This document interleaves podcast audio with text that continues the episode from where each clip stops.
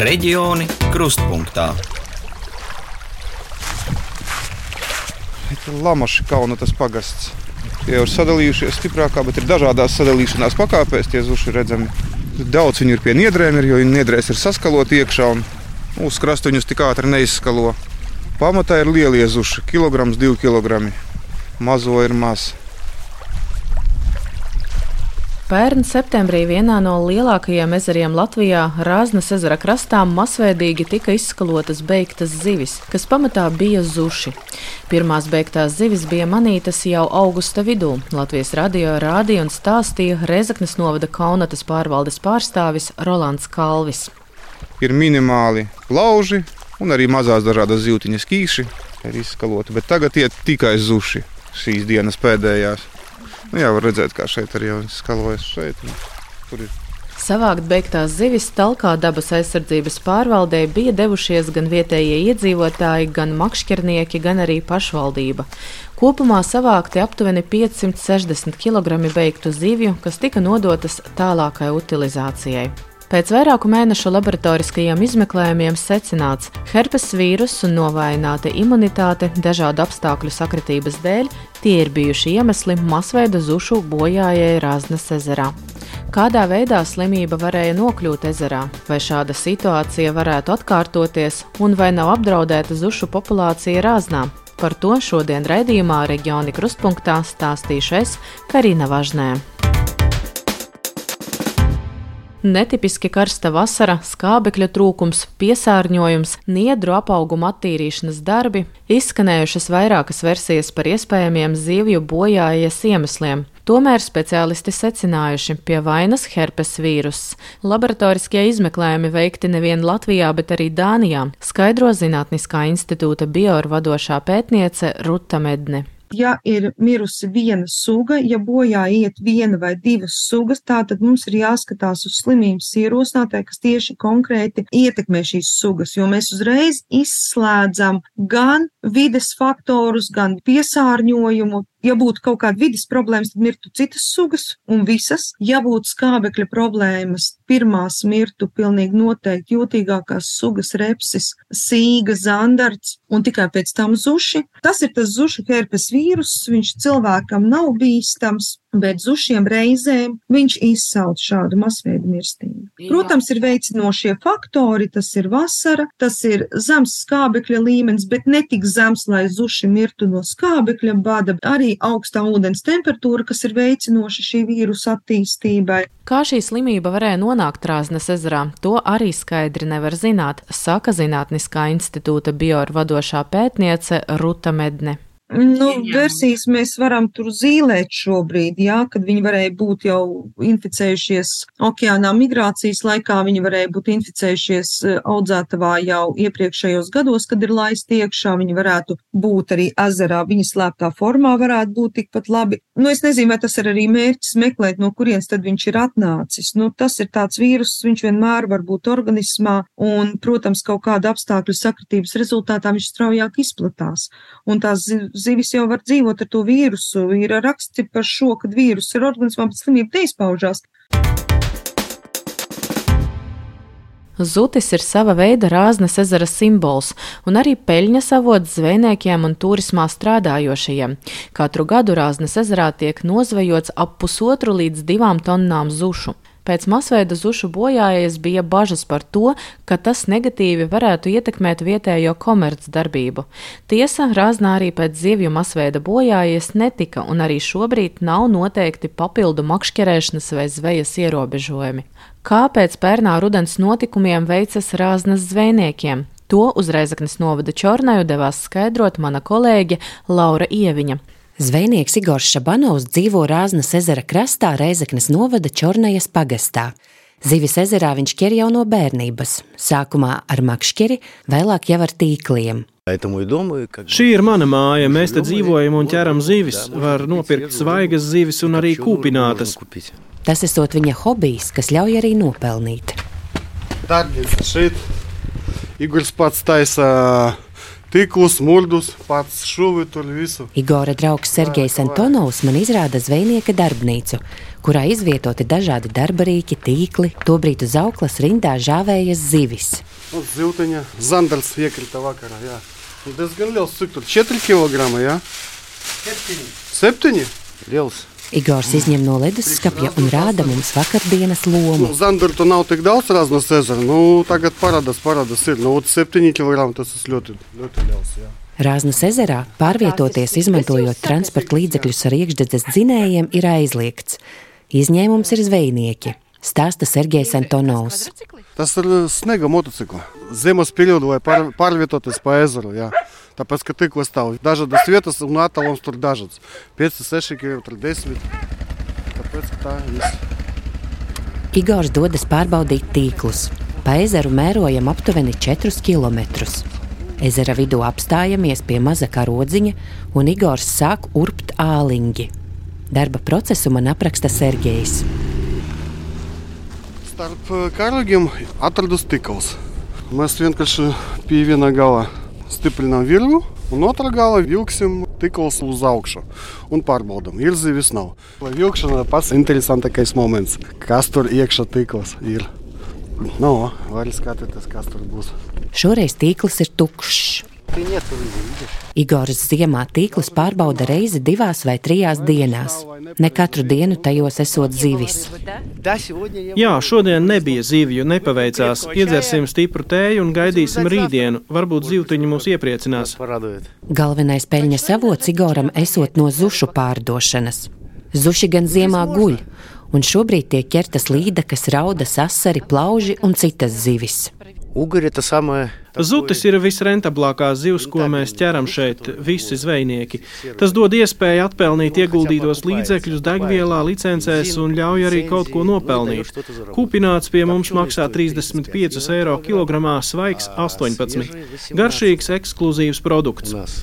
Vkusni, ekskluzīvni produkti. Pēc zušu masveida bojājējies Igors nav izjutis pieprasījuma samazināšanos. Nebija nekādu problēmu. Mēs paši ēdam, nodevām arī analīzes. Tās jau mums pastāvīgi ņem. Viss kārtībā. Varbūt šajā gadā kaut ko sajutīsim pēc nozvejas apjoma. Paskatīsimies. Zvejnieks atzīst, ka pagaidām nav izjutis, ka nozvejoto zušu skaitu būtu negatīvi ietekmējuši septembra notikumi. Iespējams, esot pagājis pārāk īsts laiks, jo ziemas periodā zuši netiek ķerti un to zveja atsāksies tikai pavasarī.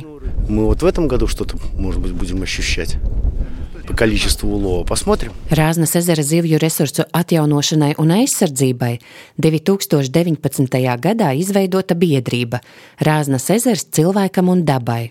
Tās valdes locekļi ir arī abi mani šīs dienas zvejas biedri - zvejnieks Igors Šabanovs un makšķernieks Sergejs Antonovs. Tā kā zušu populācija Rāznas ezerā ar laiku samazinās, biedrība jau trīs gadus papildina zušu krājumus ezerā ielaižot zivju mazuļus.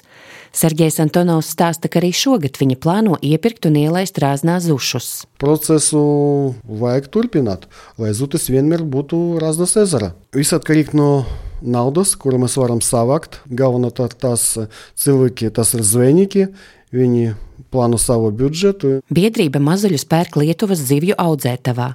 Lai pārliecinātos, ka zivju bojājēja nav saistāma ar tās piegādātajiem zušiem, uzņēmums iesniedza certifikātu, apliecinot zivju audzēšanu atbilstoši noteiktām prasībām.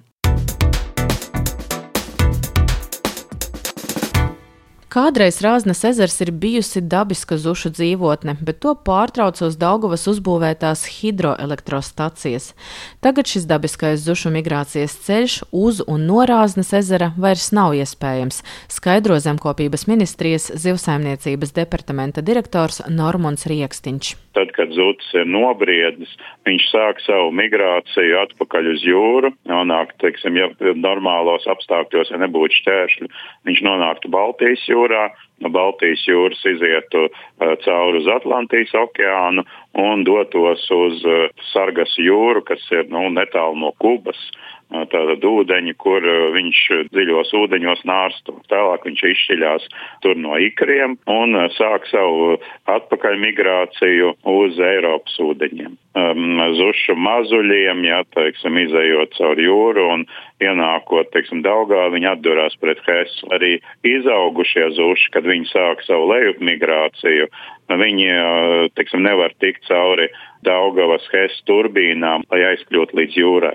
Rāznas ezerā zuši dabiski vairs nevar atjaunoties, jo te viņi nenārsto. Zušu populāciju ezerā var uzturēt tikai mākslīgi, ielaižot tajā zivju kāpurus un mazuļus. Mākslīgi zušu mazuļus cilvēks nav iemācījies izaudzēt, un tos var iegūt tikai veicot stikla zušu zveju pie Eiropas kontinenta krastiem, turpina Normons Rieksniņš. Tas ir zutis, kas no ikriem ir izšķīlies Atlantijas okeāna otrā pusē, un tad viņš eh, ceļo uz Eiropu pāri visam okeānam ar golfa straumi, un tad viņš ir eh, caurspīdīgs. Vēl nav izveidojies par zivi, un, š, un šādā stadijā viņu sauc par stikla zuti. Ir attīstīta arī šo stikla zušu zveja, un tālāk stikla zuši tiek ielaisti attiecīgi iekšējos ūdeņos, vai arī viņas izmanto audzēšanai akvakultūrā. Šobrīd atjaunot zušu krājumus kļūst aizvien sarežģītāk, jo zinātnieki Eiropas zuti ir atzinuši par apdraudēto sugu. Līdz ar to arī tiek pieņemti diezgan uh, smagi lēmumi, un par to lemj Eiropas Savienībā par zušu krājumu aizsardzību. Un, piemēram, zinātnieku ieteikums ir tāds, ka zušus nevajadzētu zvejot nu, nevienos ūdeņos, ne jūras ūdeņos, ne iekšzemes ūdeņos, un stikla zušas arī nevajadzētu iekūt. Bet nu, līdz šim vēl šāds pilnīgs aizliegums nav pieņemts, jo zutis ir nu, ļoti populāra zivs, arī kulinārais gardums un mantojums un tā tālāk un ļoti daudzas valsts iestājās pret to, ka noteiktu pilnīgu aizliegumu izmantot. Bez tam vietās, kur zutim nav iespējama migrācija uz jūru, nevar izmantot publisko finansējumu zušu populācijas atjaunošanai. Tikai komersanti var nopirkt un ielaist šos zušus tādā vietā kā Rāznes ezers. Un mēs uh, rosinājām to, ka, uh, ka vajadzētu ļaut stikla zušas pat laist Rāznas ezerā uh, par valsts naudu, jeb arī šo Eiropas Savienības naudu, ar nosacījumu, ka pēc tam viņš tiek noķerts ezerā un novests lejā zem Daugavas hesiem, ja, un lai viņš līdz jūrai varētu nokļūt. Bet mēs neguvām atsaucību no Eiropas komisijas puses. To, cik ļoti masveidīgā zivju bojāja samazinājusi zušu skaitu rāznā, pateikt nevar. Tāpat nevar paredzēt, vai līdzīga situācija varētu atkārtoties, skaidro Zinātniskā institūta biovadošā pētniece Ruta Medne. Mēs nevaram paredzēt, vai viņi sezonāli mirs vai nemirs. To paredzēt neviens nevar, vai tiks atvesti veseli un ielaisti, un tur jau tā infekcija ir vairs parādīties, saslimšana. Tā kā daba ir daba. Un ja tas vīrus dabā ir, pilnīgi noteikti veidojas populācijas, kas ir izturīgas pret vīrusu. Nu, kaut kāda daļa jau noteikti paliks un kaut kāda daļa būs, bet mēs nevaram tā kā dīķi vai tā kā basēnu izmazgāt vai tā kā fermu izdezinficēt. Tas nav iespējams, tā dabiskā ūdens tilpe. Nu, vienkārši jāļauj dabai ritēt, kā viņi rit, notik, notikumiem ritēt, kā viņi rit, un tur neko nevar darīt. Līdzīgu viedokli pauž arī dabas aizsardzības pārvaldē. Turpina Latgales reģionālās administrācijas dabas izglītības speciāliste Diana Salecka. Vienīgais, ko var darīt, ir būt gataviem šādai situācijai, pētīt šo te skābekļa daudzumu ūdenī. Dabas aizsardzības pārvalde šobrīd domā par agrīnās brīdināšanas sistēmas izveidošanu. Proti, ja mēs redzam, ka notiek šī apstākļu sakritība, ka samazinās skābekļa daudzums, piemēram, intensīvas ūdens dziedēšanas rezultātā, tad mēs vienkārši varam prognozēt, ka kaut kas tāds varētu būt, bet uh, ietekmēt izskatās, ka mēs tomēr šobrīd to nekādi nevaram. Tas, vai zušu populācija Rāznas ezerā saglabāsies un cik ilgi, būs atkarīgs no privātajiem ieguldījumiem un biedrību zvejnieku aktivitātes, kā arī no likumdošanas. Pēdējo trīs gadu laikā Rāznas ezerā ar biedrības Rāznas ezers cilvēkam un dabai palīdzību ielaisti teju 12,5 tūkstoši zušu mazuļu. Raidījumu veidoja Karina Važnē, Laura Ieviņa, par skaņu rūpējās Ints Salmiņš Latvijas radio studijā Latgalē. Bet jau pēc nedēļas kolēģi no RTV stāstīs par privātmāju pieslēgšanu pie centralizētajiem siltumtīkliem un meklēs atbildes uz jautājumiem, vai tas ir ieguldījums pilsētu attīstībā, tīrākas vides nodrošināšana vai energoneatkarības zaudēšana. Reģioni krustpunktā.